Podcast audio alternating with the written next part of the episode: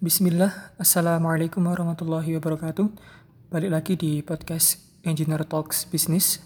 Kita sudah masuk ke podcast keempat ya teman-teman. Yang mana podcast ketika kemarin kita bahas terkait merger, acquisition, sama LPO. Nah di podcast keempat ini kita akan membahas terkait products value. Namun products value yang ingin saya sampaikan bukan value yang kemudian sering didengar definisinya oleh teman-teman.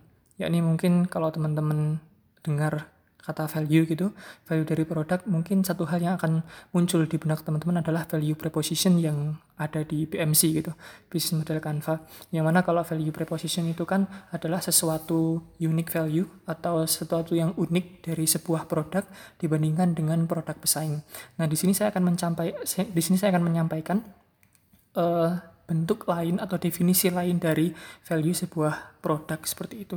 Nah, di sini saya tidak akan mendefinisikan value sebagai value preposition dalam BMC, melainkan value akan kita artikan sebagai penilaian subjektif customer terhadap sebuah produk yang uh, diukur berdasarkan customer benefits relatif terhadap customer cost.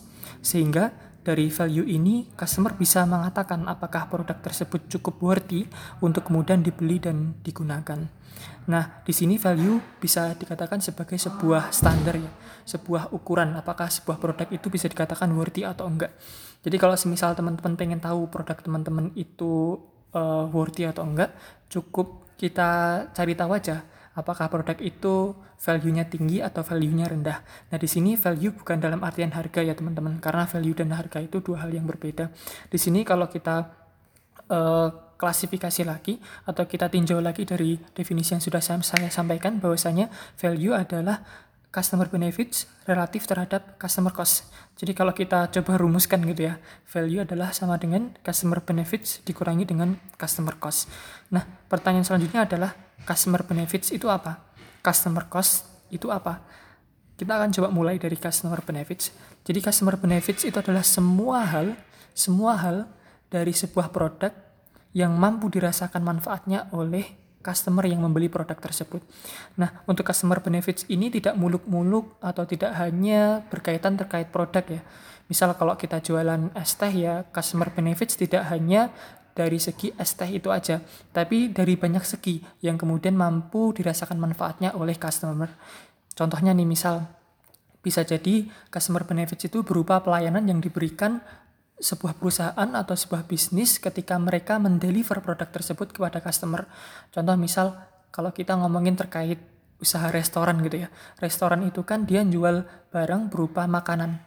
Nah, di sini customer benefits yang bisa dirasakan oleh customer tidak hanya rasa dari makanan tersebut, melainkan juga bagaimana pelayanannya, kemudian bagaimana tempatnya, bagaimana kemudian keramahan dari uh, waitersnya, dan lain sebagainya. Semua hal yang kemudian manfaatnya bisa dirasakan oleh customer, maka kita sebut sebagai customer benefits. Semakin tinggi nilai customer benefits, maka value dari sebuah perusahaan pun juga akan tinggi. Kemudian pertanyaan selanjutnya adalah customer cost itu apa? Nah, kalau customer benefits tadi itu kan terkait ini ya, manfaat yang bisa dirasakan oleh customer. Nah, untuk customer cost ini adalah semua hal yang harus dikeluarkan oleh customer untuk mendapatkan semua benefits dari sebuah produk yang dia beli seperti itu. Nah, kalau kita ngomongin soal customer cost, itu tidak hanya berkaitan dengan harga, tidak hanya berkaitan dengan uang yang harus kita bayarkan untuk merasakan manfaat dari sebuah produk, tapi customer cost itu adalah semua aspek, semua aspek yang harus dikeluarkan oleh customer untuk mendapatkan produk dan merasakan manfaat dari produk tersebut.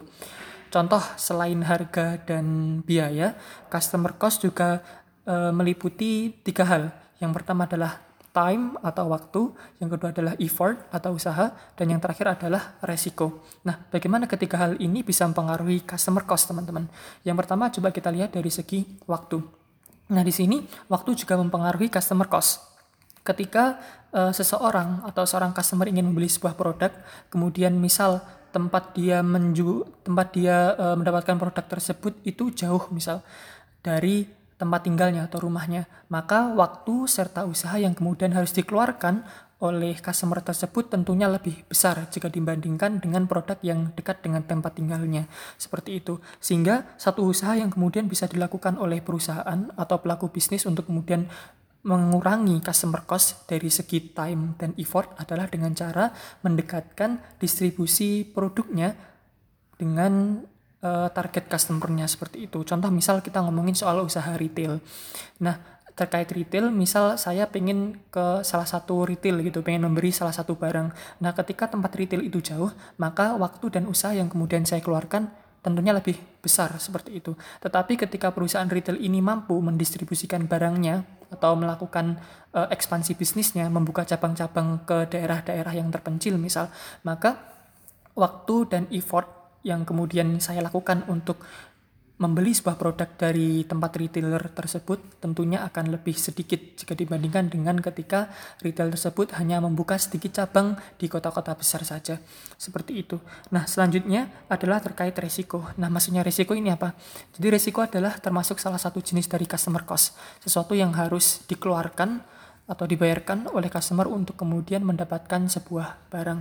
Nah, untuk memudahkan dalam pemahaman, resiko dalam customer cost ini kita artikan sebagai rusaknya barang, hilangnya barang, disfungsi dari barang di tangan customer ketika produk tersebut sudah dibeli oleh customer. Contoh misal perusahaan laptop. Nah, laptop ini kan sebuah barang yang kemudian bisa rusak ya, sebuah barang yang kemudian bisa disfungsi ketika sudah ada di tangan customer. Nah, itu merupakan salah satu resiko, teman-teman. Salah satu resiko yang kemudian harus ditanggung oleh customer ketika produk itu sudah dibeli.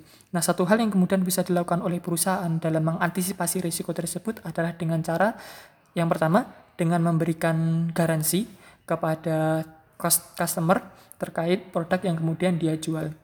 Misal dia memberikan garansi 2 tahun atau tiga tahun uh, garansi servis dan lain sebagainya. Kemudian dia juga bisa untuk kemudian memberikan training atau pelatihan terkait bagaimana cara menggunakan produk tersebut dengan baik, bagaimana cara kemudian merawat produk tersebut sehingga resiko-resiko itu bisa kita minimalisir.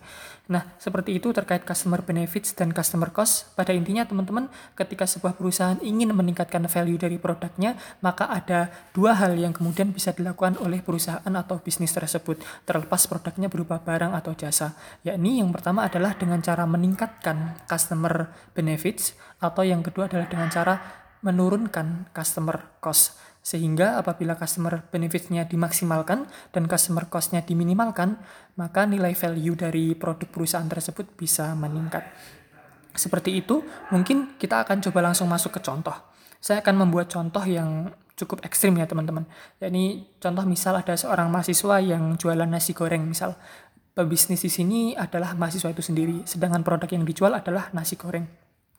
Nah, bagaimana cara meningkatkan value dari nasi goreng yang dijual oleh mahasiswa ini? Kita balik lagi ke kaidah yang sudah saya sampaikan tadi, yakni dengan cara meningkatkan customer benefits dan menurunkan customer cost. Customer benefits, contohnya misal kalau konteksnya jualan nasi goreng. Yang pertama jelas dengan meningkatkan rasa dari nasi goreng sehingga orang bisa uh, mendapatkan customer benefits yang lebih banyak, lebih baik jika dibandingkan dengan menjual nasi goreng yang rasanya biasa-biasa aja. Kemudian uh, contoh yang lainnya dari segi pelayanan mungkin bisa dengan cara meningkatkan customer benefits dengan menyediakan sendok, tisu dan tusuk gigi misal sehingga kita memberikan servis yang lebih mungkin jika dibandingkan dengan kompetitor-kompetitor yang jualan nasi goreng yang lainnya. Terakhir mungkin yang paling ekstrim adalah mungkin dengan cara berkomitmen untuk kemudian tersenyum gitu, untuk kemudian melakukan pelayanan ketika jualan nasi goreng itu sendiri.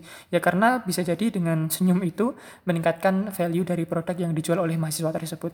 Kemudian cara yang lainnya atau cara yang kedua adalah dengan menurunkan customer cost Nah, customer cost ini contohnya dalam kasus mahasiswa jualan nasi goreng adalah yang jelas yang pertama terkait harga, tentu harganya harus bisa kompetitif. Ketika rasanya enak, ketika rasanya lebih baik daripada yang lainnya, tentu ada ini ya, ada sesuatu yang kemudian ngefek kepada harga yang kemudian dibebankan pada nasi goreng itu sendiri. Namun kita harus tahu nih, uh, kompetitor itu menjual nasi goreng dengan harga berapa. Nah, kita harus bisa menentukan harga atau melakukan pricing terhadap nasi goreng tersebut dibandingkan dengan nasi goreng para kompetitor.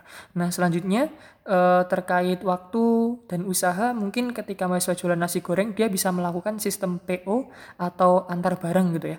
Jadi, uh, customernya nggak harus datang ke mahasiswa tersebut, melainkan bisa mahasiswa melakukan PO atau pre-order dan kemudian melakukan antar barang sehingga calon customer tidak perlu mengeluarkan effort, tidak perlu mengeluarkan waktu yang banyak untuk mendapatkan produk. Nah, di sini contoh yang bisa saya berikan, kita hari ini ber, uh, belajar terkait value dari sebuah produk. Value adalah customer benefits dikurangi dengan customer cost. Nah, sedikit yang kemudian bisa saya sampaikan, semoga yang sedikit ini bisa bermanfaat. Kurang lebihnya dari saya mohon maaf. Wassalamualaikum warahmatullahi wabarakatuh.